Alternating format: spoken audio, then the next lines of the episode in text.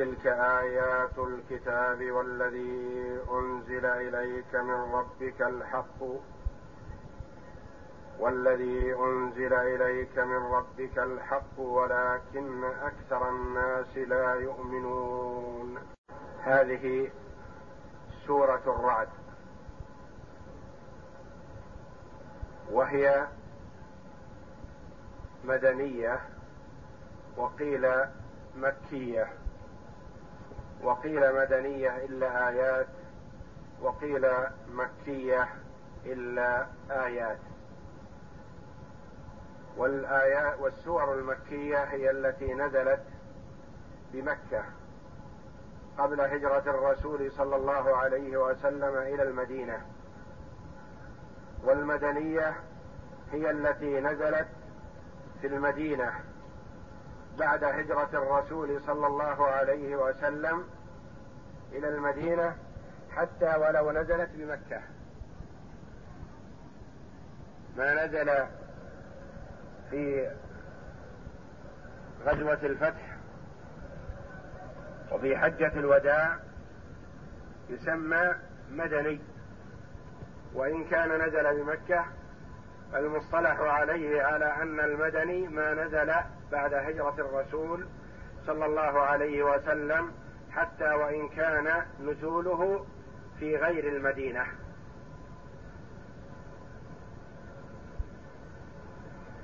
وتقدم الكلام على الحروف المقطعة في أوائل السور. تقدم في أول سورة البقرة وفي أول سورة آل عمران وفي سورة الأعراف والسور بعدها. وللعلماء رحمهم الله فيها قولان.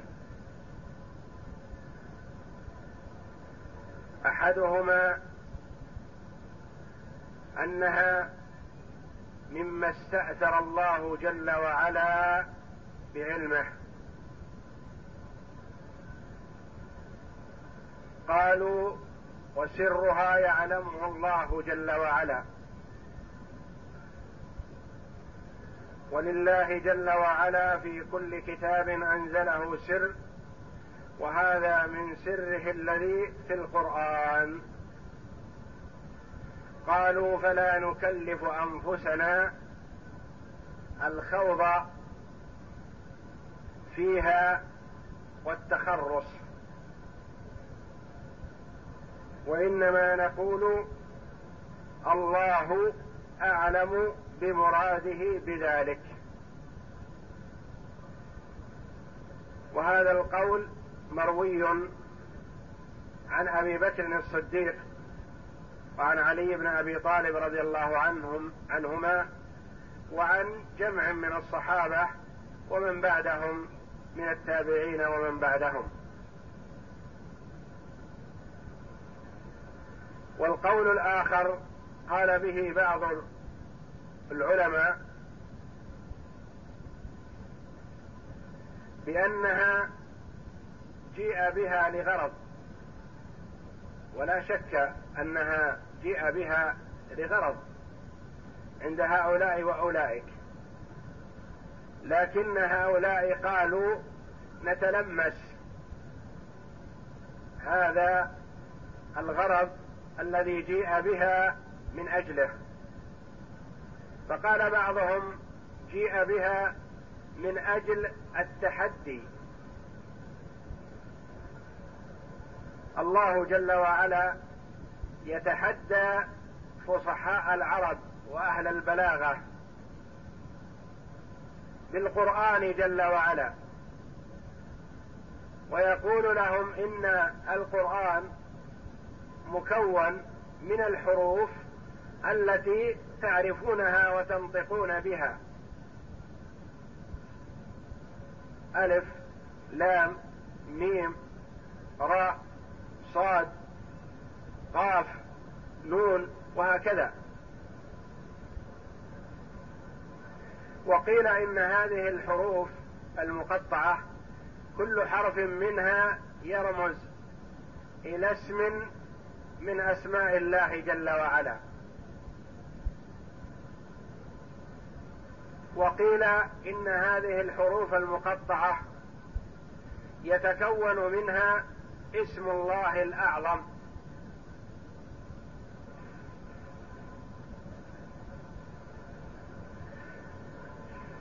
والله أعلم بكيفية تركيبه منها. وقيل إنه جيء بها من أجل لفت نظر الكفار لاستماع القرآن. لأنهم جروا على أنهم إذا سمعوا النبي صلى الله عليه وسلم يقرأ ابتعدوا عنه.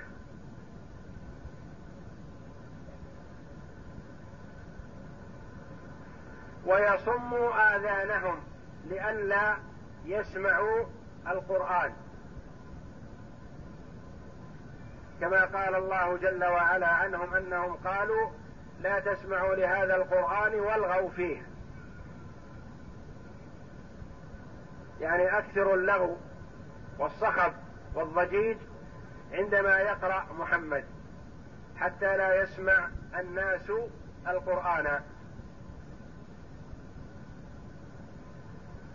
فجيء بهذه الحروف من أجل لفت أنظارهم. لأنهم إذا سمعوا النبي صلى الله عليه وسلم يقرأ ألف لام ميم راء ونحوها من أوائل من الحروف المقطعة في أوائل السور أصغوا تعجبا واستغرابا من هذه القراءة ثم يتلو عليهم بعد ذلك الآيات من القرآن فيسمعونها رغم أنوفهم فتقوم عليهم الحجة. وقيل غير ذلك فالله أعلم. والحروف المقطعة تتكون من حروف منها ما هو من حرف واحد ومنها ما هو من حرفين ومنها ما هو من ثلاثة ومنها ما هو من أربعة ومنها ما هو أكثر من ذلك. يقول الله جل وعلا تلك آيات الكتاب والذي أنزل إليك من ربك الحق. تلك. وتقدم أن نقلنا عن بعض المفسرين رحمهم الله أنهم قالوا أنه غالبا بعد الإتيان بهذه الحروف المقطعة يكون الحديث عن القرآن. كما في سورة البقرة. ألف لام ميم. ذلك الكتاب لا ريب فيه هدى للمتقين. وغيرها من السور. بعدما يأتي الله جل وعلا بالحروف المقطعة بعد ذلك يتلوها الكلام عن القرآن. تلك آيات الكتاب. الإشارة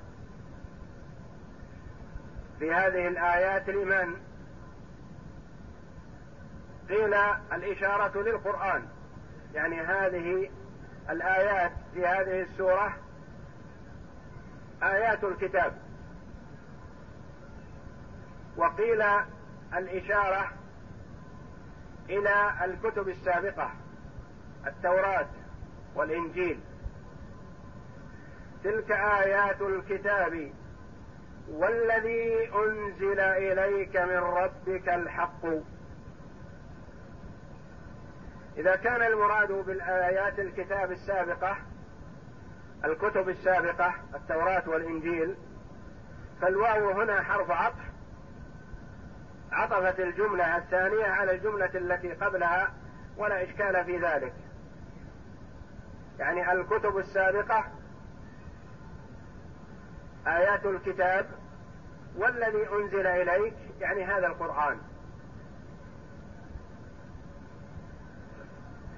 تلك آيات الكتاب وعطف عليها القرآن وأخبر عنه بأنه الحق. وقيل إذا كان المراد بالكتب بالآيات في الكتاب القرآن والذي أنزل إليك من ربك هذا بلا شك المراد به القرآن فيكون من عطف الشيء على نفسه عطف الموصوف.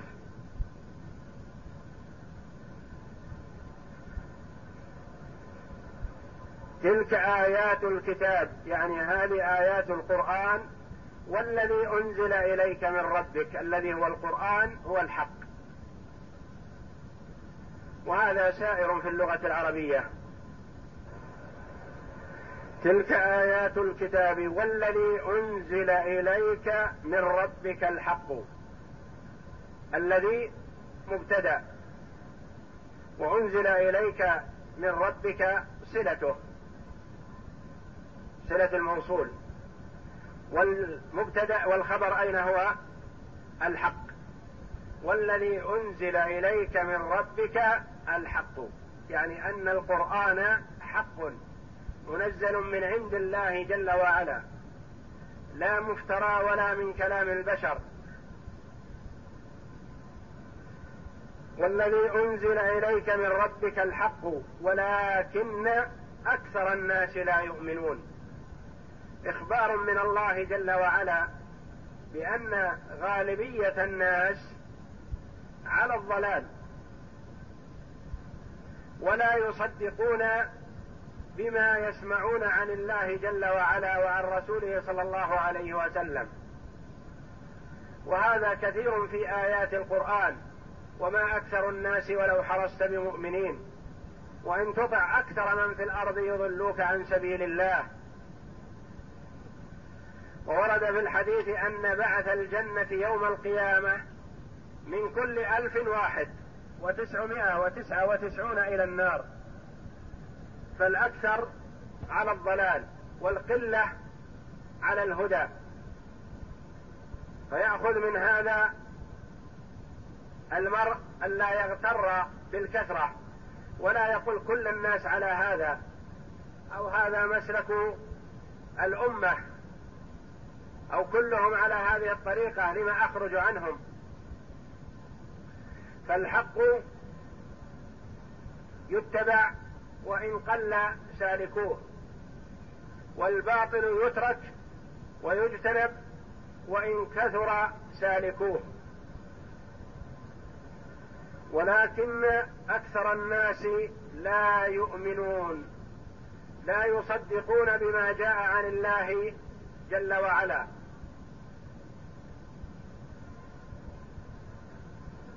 والمؤمنون بالنبي صلى الله عليه وسلم قليلون بالنسبة لمن كفر به.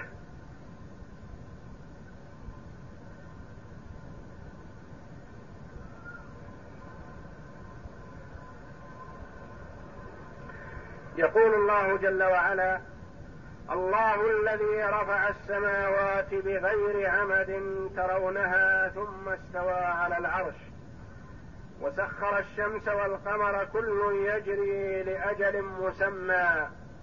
يدبر الأمر يفصل الآيات لعلكم بلقاء ربكم توقنون. يخبر جل وعلا عن كمال قدرته وتصرفه في الكون. ويدلل على الآيات الواضحات الدالة على أنه المستحق جل وعلا للعبادة وحده لا شريك له. ودلل على ذلك بآيات علوية يدركها كل الناس ويرونها ثم أتبعها بآيات أرضية في الآيات التي تأتي بعد. يقول جل وعلا الله الذي رفع السماوات بغير عمد.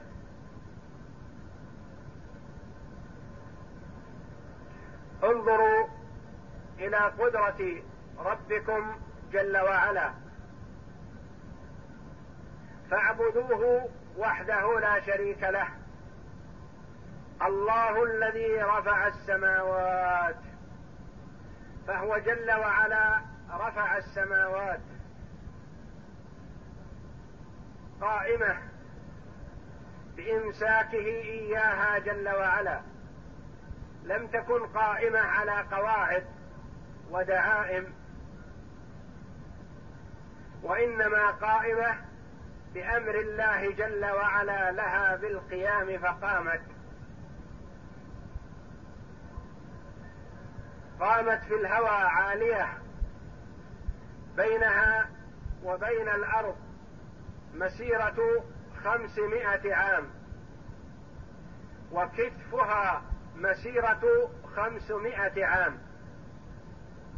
كتف السماء الدنيا يعني سماكتها مسيرة خمسمائة عام سمكها كما بين السماء والأرض. قائمة بدون قواعد ودعائم وأعمدة موضوعة لها وإنما بقدرة الله جل وعلا. الله الذي رفع السماوات بغير عمد ترونها تشاهدونها لا تخفى عليكم. فلما يا كفار مكة تنكرون البعث؟ والله جل وعلا هذا من خلقه. فالذي خلق هذا الخلق قادر على البعث من باب أولى. وهذه الآيات تلزم من يدركها بتوحيد الله جل وعلا. الله الذي رفع السماوات بغير عمد ترونها تشاهدونها. يعني قائمة بدون عمد. وهذا قول جمهور المفسرين. قول آخر لبعض المفسرين يقول قائمة بغير عمد مرئية. وإلا فيجوز أن لها عمد لا ترى. وهذا من كمال القدرة. يكون لها عمد قائمة عليها ولا يراها الناس. فالله جل وعلا قادر على كل شيء.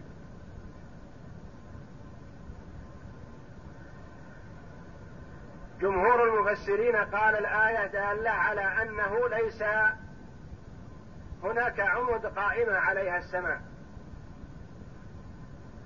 رفع السماوات بغير عمد.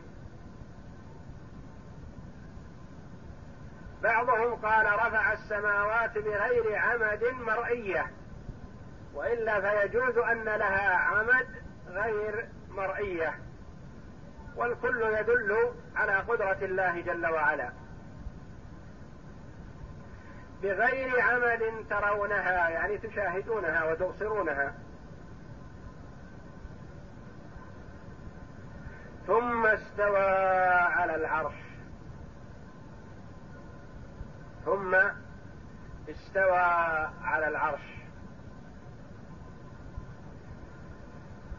الله جل وعلا مستو على عرشه بائن من خلقه. فمخلوقات الله جل وعلا مع عظمتها لا تحيط بالله جل وعلا. فالله جل وعلا بائن منها. والعرش هو سقف المخلوقات. أعلى شيء في المخلوقات هو عرش الرحمن جل وعلا.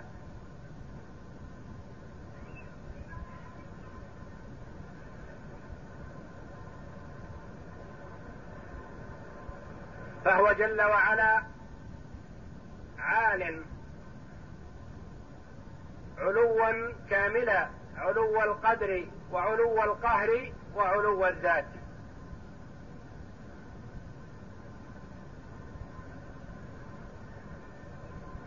بين السماء الدنيا والأرض مسيرة خمسمائة عام. وبين كل سماء وسماء مسيرة خمسمائة عام. وكتف كل سماء مسيرة خمسمائة عام كما بين السماء والأرض. وفوق السماء السابعة بحر ما بين أسفله وأعلاه كما بين السماء والأرض مسيرة خمسمائة عام. وفوق البحر الكرسي والسماوات السبع في الكرسي كسبعة دراهم ألقيت في صحن كبير في ترس كما ورد ذلك في الحديث. السماوات السبع مع عظمها كسبعة دراهم ألقيت في صحن كبير. وفوق الكرسي العرش. والكرسي نسبته للعرش كحلقة من حديد ألقيت في فلاة من الأرض.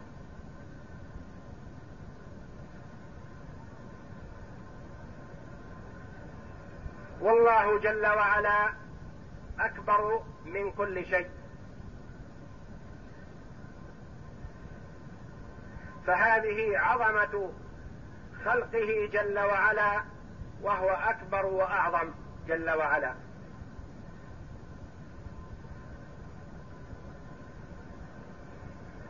ومذهب أهل السنة والجماعة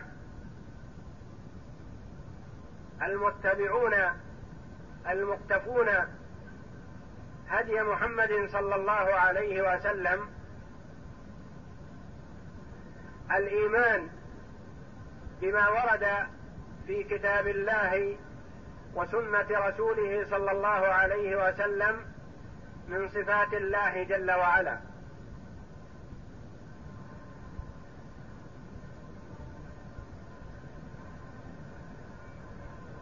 ولا يشبهون ولا يكيفون ولا يمثلون ولا يعطلون الله من صفاته ولا يسألون كيف استوى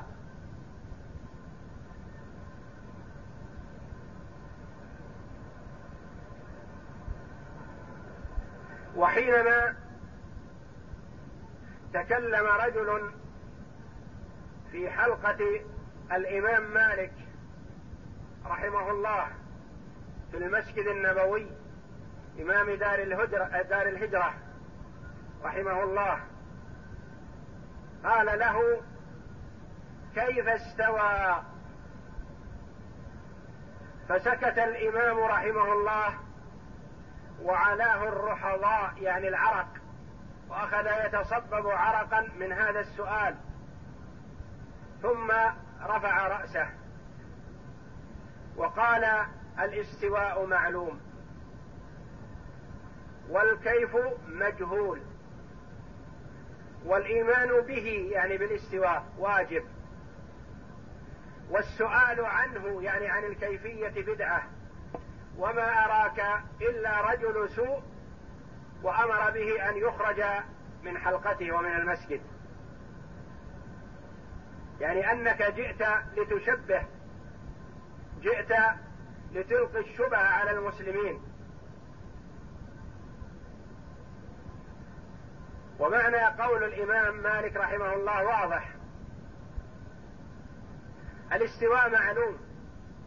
يعني معنى استوى معلوم. وهي كما قال الإمام ابن القيم رحمه الله استوى بمعنى استقر وعلى وارتفع. الاستواء معلوم والكيف مجهول. لا يجوز لمسلم أن يسأل عن كيفية صفة من صفات الباري جل وعلا لا يدركها. لا يدرك المخلوق كيفية صفة الخالق جل وعلا. والكيف مجهول. والإيمان بالاستواء واجب. كما أمر الله وكما هو واضح في آيات كثيرة من كتاب الله جل وعلا.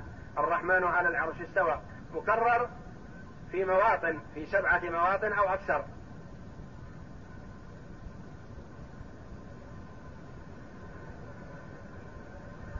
والسؤال عن الكيفية بدعة ليس من هدي السلف.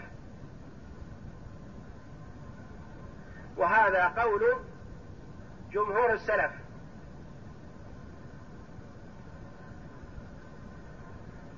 وظل في هذا وفي صفات الباري جل وعلا طائفتان. طائفة شبهت فضلت عن الصراط المستقيم. وطائفة عطلت نفت فضلت عن الصراط المستقيم. وأهل السنة والجماعة وسط بين الطائفتين. أثبتوا إثباتا بلا تكييف ولا تشبيه ولا تمثيل. ونزهوا تنزيها بلا تعطيل. ثم استوى على العرش.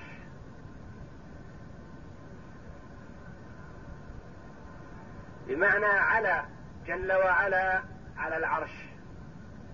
والعرش سقف المخلوقات وهو أعظم المخلوقات. وأعظم منه الخالق جل وعلا.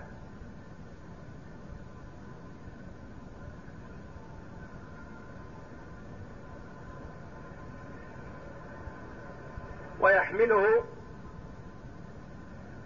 أربعة الآن من الملائكة لا يعلم كيفيتهم وصفتهم إلا الله جل وعلا. ويوم القيامة يحمله ثمانية كما قال الله جل وعلا ويحمل عرش ربك فوقهم يومئذ ثمانية يومئذ تعرضون لا تخفى منكم خافية.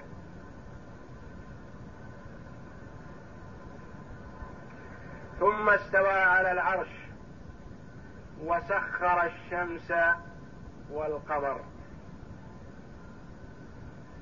سخر الكواكب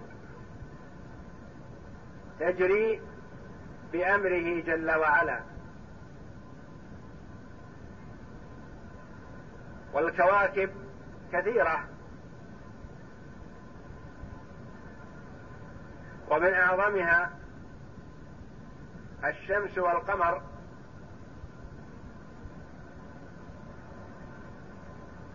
ولكون الناس يتعلق معاشهم بالشمس والقمر نص عليها جل وعلا. وكل الكواكب منها السيارة ومنها الراكدة كلها مسخرة بأمر الله جل وعلا.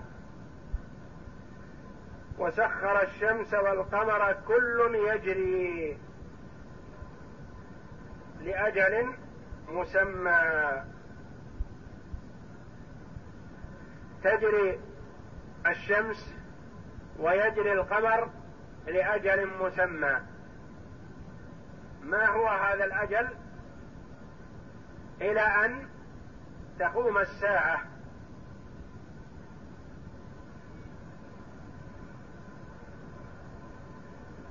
قال بهذا جمهور المفسرين ما هذا الأجل؟ قيام الساعة.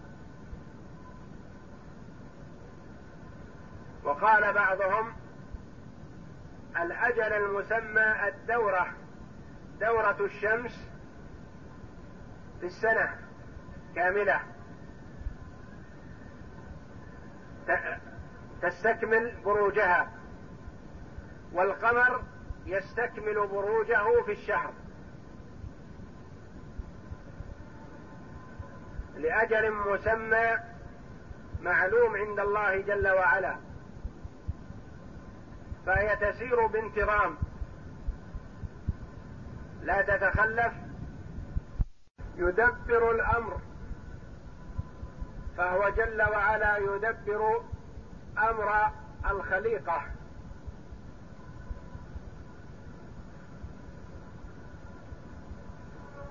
يحيي ويميت. يغني ويفقر. يعز ويذل يعطي ويمنع.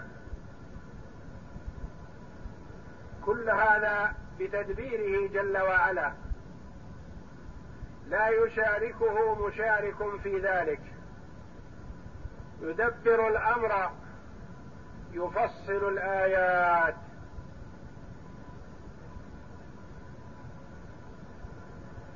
يبين ويوضح الآيات الدالة على كمال قدرته وعظمته جل وعلا وعلى أنه المستحق للعبادة وحده لا شريك له.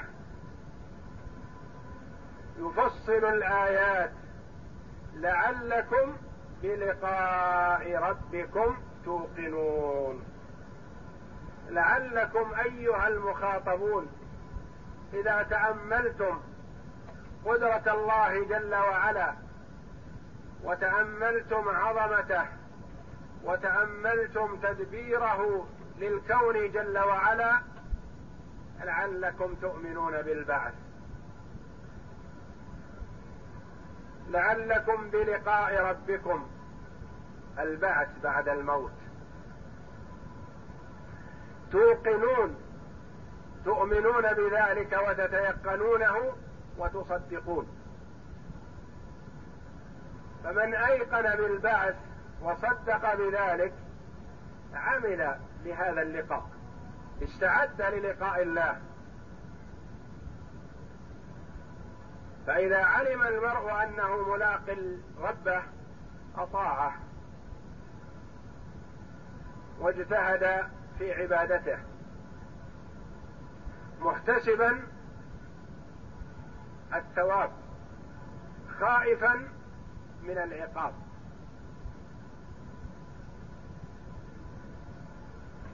وأما إذا أنكر لقاء الله فكأنه يقول لا حاجة إلى العمل والعبادة. ليس هناك بعث ولا حساب ولا عذاب ولا جنة ولا نار. فالذي يحمل المرء على ترك العمل وعلى ترك العبادة لله جل وعلا ما هو؟ إنكاره البعث. من أنكر البعث ترك العمل والعبادة. ومن آمن بالبعث استعد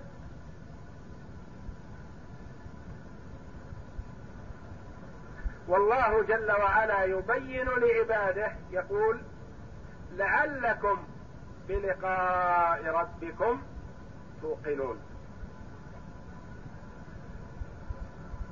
فكأن المنكر للبعث يقول كيف أبعث بعدما أكون ترابا؟ أعود كما كنت. هذا مستحيل. منكر البعث يقول هذا مستحيل أن أعود كما كنت. والله جل وعلا يقول له هذا خلق الله تشاهده.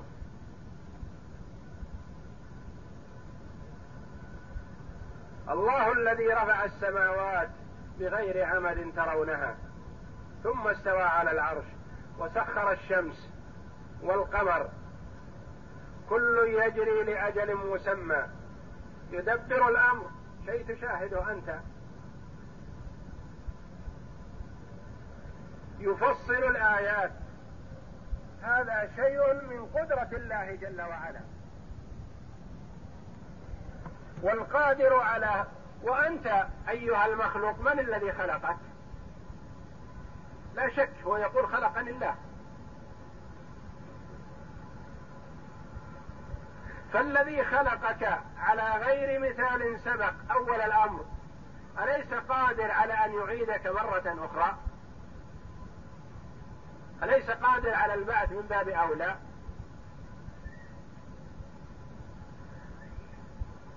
مخلوق ولله جل وعلا المثل الأعلى مخلوق ينشئ شيئا ما مصنعا أو مبنى أو أي إنشاء ينشئه.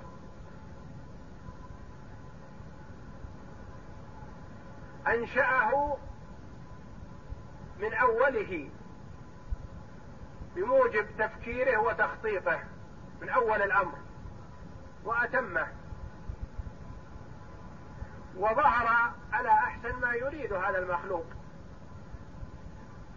ثم بدا له بعد سنة أو أكثر أن ينشئ مثله. هل يشق عليه إنشاء الإنشاء مرة أخرى؟ لو كان هناك مشقة لكانت في الإنشاء الأول. أما المرة الأخيرة الثانية فهي تابعة للأولى.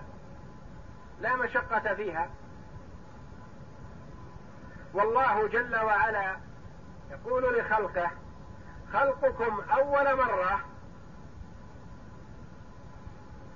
لو كان هناك صعوبة لكان في الخلق أول مرة مع أن الله جل وعلا لا يعجزه شيء.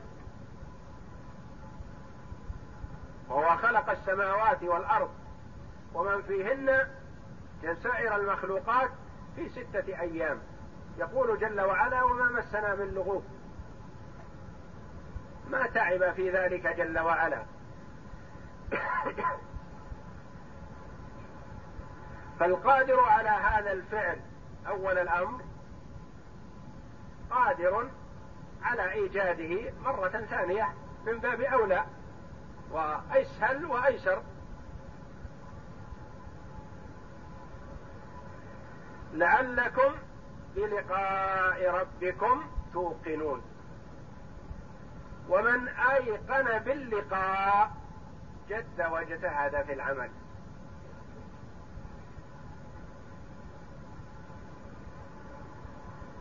ولله جل وعلا المثل الأعلى.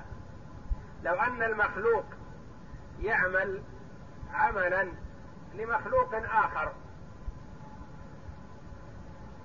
سيقابله. يثيب على عمله أو يعاقب عليه. وآخر يعمل عملا لآخر لن يقابله ابدا. أيهما أحرى بالإتقان؟ العمل الذي تعمله لشخص ستقابله أو عمل تعمله لآخر لا تقابله؟ لا شك أن من يعمل العمل لمن يقابله يجتهد فيه أكثر. وهكذا العبد المؤمن إذا أيقن أنه ملاق ربه جل وعلا وهذا من أركان الإيمان. يعني لا يتم إيمان المرء حتى يؤمن باليوم الآخر بلقاء الله جل وعلا في يوم القيامة. إذا لم يؤمن المرء بهذا اللقاء فهو كافر بالله العظيم. وأركان الإيمان كما هو معلوم ستة. ان تؤمن بالله وملائكته وكتبه ورسله واليوم الآخر وبالقدر خيره وشره. لعلكم بلقاء ربكم توقنون.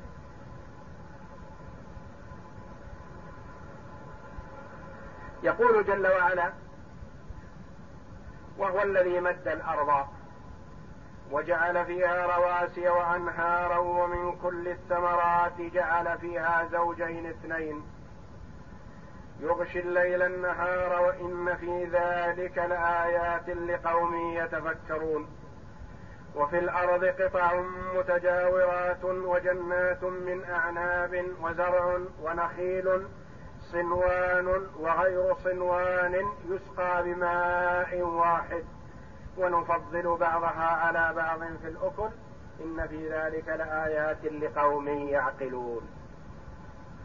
بعدما بين جل وعلا خلقه وقدرته في المخلوقات العلوية بين جل وعلا خلقه وقدرته في المخلوقات السفلية. فقال جل وعلا وهو الذي مد الأرض جعلها ممدودة لمعاش العباد وجعل فيها رواسي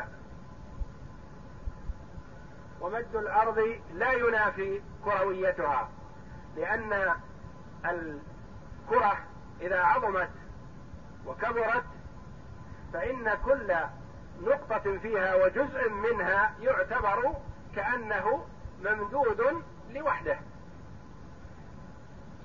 وهو الذي مد الأرض وجعل فيها رواسي.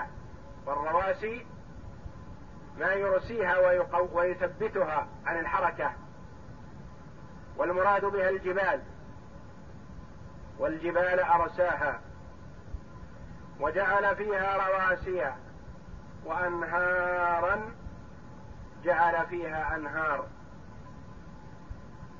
لتصلح للحياة عليها بهذه الأنهار والمياه. والله جل وعلا جعل من الماء كل شيء حي. وأنهارا ومن كل الثمرات جعل فيها زوجين اثنين. من كل الثمرات. الحبوب والثمار أنواع منوعة مختلفة الأشكال والألوان. يغشي الليل النهار. يغطي الليل النهار ثم يغطي النهار الليل. يغشاه يعني يعلو عليه ويغطيه بقدرة الله جل وعلا. إن في ذلك لآيات علامات واضحة لقوم يتفكرون يتأملون ويتدبرون مخلوقات الله جل وعلا. والمؤمن مأمور بالتفكر والتدبر في مخلوقات الله جل وعلا ليزداد إيمانه ويقينه بالله جل وعلا وبالبعث بعد الموت. إن في خلق السماوات والأرض واختلاف الليل والنهار لآيات لأولي الألباب. علامات واضحة لأصحاب العقول. إن في ذلك لآيات لقوم يتفكرون. وفي الأرض قطع متجاورات. الأرض التي خلقها الله جل وعلا. قطع متجاورة مختلفة اختلاف كبير. هذه أرض طيبة منبتة. وهذه أرض سبخة لا تنبت. هذه أرض سهلة. وهذه أرض جبلية. هذه حمراء وهذه صفراء وهذه سوداء بقدرة الله جل وعلا. كل هذا فيه دلالة على قدرة الله جل وعلا وعظمته واستحقاقه للعبادة وحده لا شريك له. وفي الأرض قطع متجاورات وجنات من أعناب جنات بساتين. وسميت الجنة جنة لأنها تغطي ما تحتها يعني تستره فالجنات من الأعناب يعني أشجار الأعناب ملتف بعضها ببعض فالداخل تحتها مستتر. وجنات من أعناب. وزرع ونخيل وفي قراءة. وزرع ونخيل.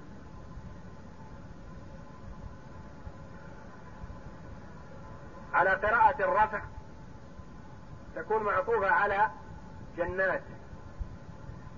وجنات من أعناب وزرع ونخيل. وعلى قراءة الجر وجنات من أعناب وزرع يعني جنات من زرع. تكون زرع معطوفة على أعناب من أعناب وزرع ونخيل.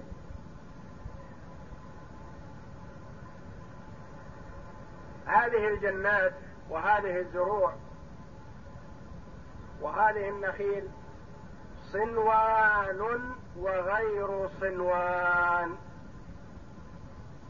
ملتفة ومتفرقة. أصول مجتمعة وأصول متفرقة.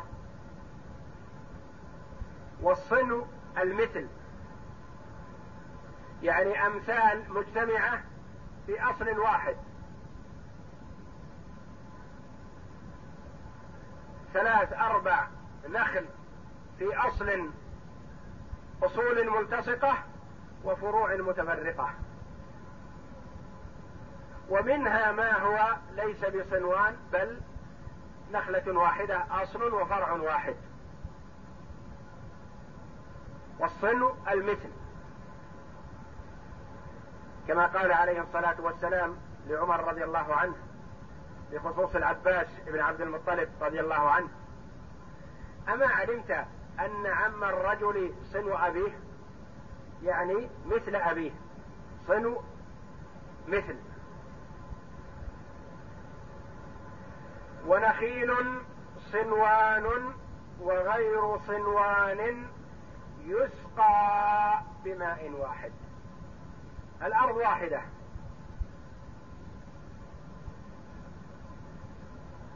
والماء واحد. والثمار مختلفة. متنوعة الثمار. هذا عنب وهذه تمور وهذه حبوب وهذا كذا وهذا كذا. ثم يؤتى إلى الصنف الواحد نفسه. التمور. كم أشكالها وألوانها؟ وهي كلها نخلة وماؤها واحد وتربتها واحدة. وأنواعها مختلفة اختلاف عظيم. وكذلك العنب. الأرض واحدة. والشجرة شجرة عنب. والماء واحد. والثمار مختلفة اختلاف عظيم. كل هذا يدل على قدرة الله جل وعلا وعظمته.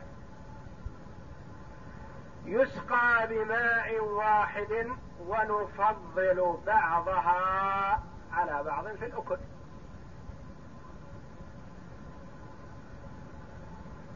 كيلو من أنواع التمور بريال واحد وكيلو بخمسة عشر ريال وبعشرين ريال وكلها تمر.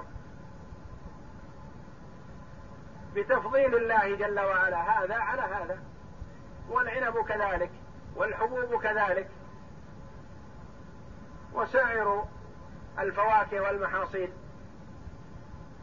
ونفضل بعضها على بعض في الأكل. إن في ذلك في هذا التفضيل وهذا التفاوت وهذا الخلق وهذا الإيجاد وهذا الترتيب. وكون هذا يونع في أيام الصيف. وهذا في أيام الشتاء. هذا يبدأ طلعه في شهر كذا وهذا يبدأ طلعه في شهر كذا من الشهور الشمسية.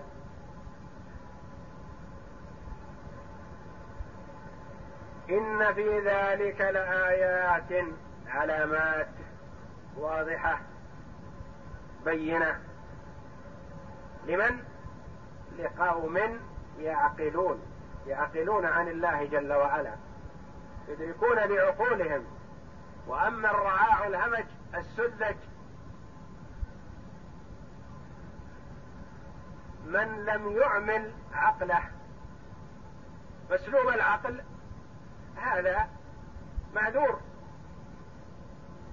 لكن من أعطي العقل ولم يتأمل ولم يتدبر. إن في ذلك لآيات لقوم يعقلون.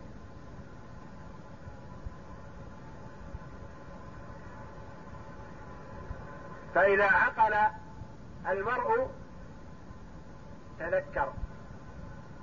وإذا تذكر اتقى الله جل وعلا. كما رتب جل وعلا التعقل ثم التذكر ثم التقوى في آيات الأنعام. في الايات المحكمات من سورة الأنعام. قل تعالوا أتل ما حرم ربكم عليكم ألا تشركوا به شيئا وبالوالدين إحسانا ولا تقتلوا أولادكم من إملاق نحن نرزقكم وإياهم.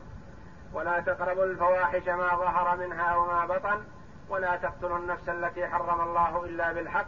ذلكم وصاكم به لعلكم تعقلون. ولا تقربوا مال اليتيم إلا بالتي هي أحسن حتى يبلغ أشده. وأوفوا الكيل والميزان بالقسط لا نكلف إلا نفسا إلا وسعها. وإذا قلتم فاعدلوا ولو كان ذا قربى وبعهد الله أوفوا. ذلكم وصاكم به لعلكم تذكرون. وأن هذا صراطي مستقيما فاتبعوه ولا تتبعوا السبل فتفرق بكم عن سبيله. ذلكم وصاكم به لعلكم تتقون. فمن عقل تذكر ومن تذكر اتقى الله جل وعلا.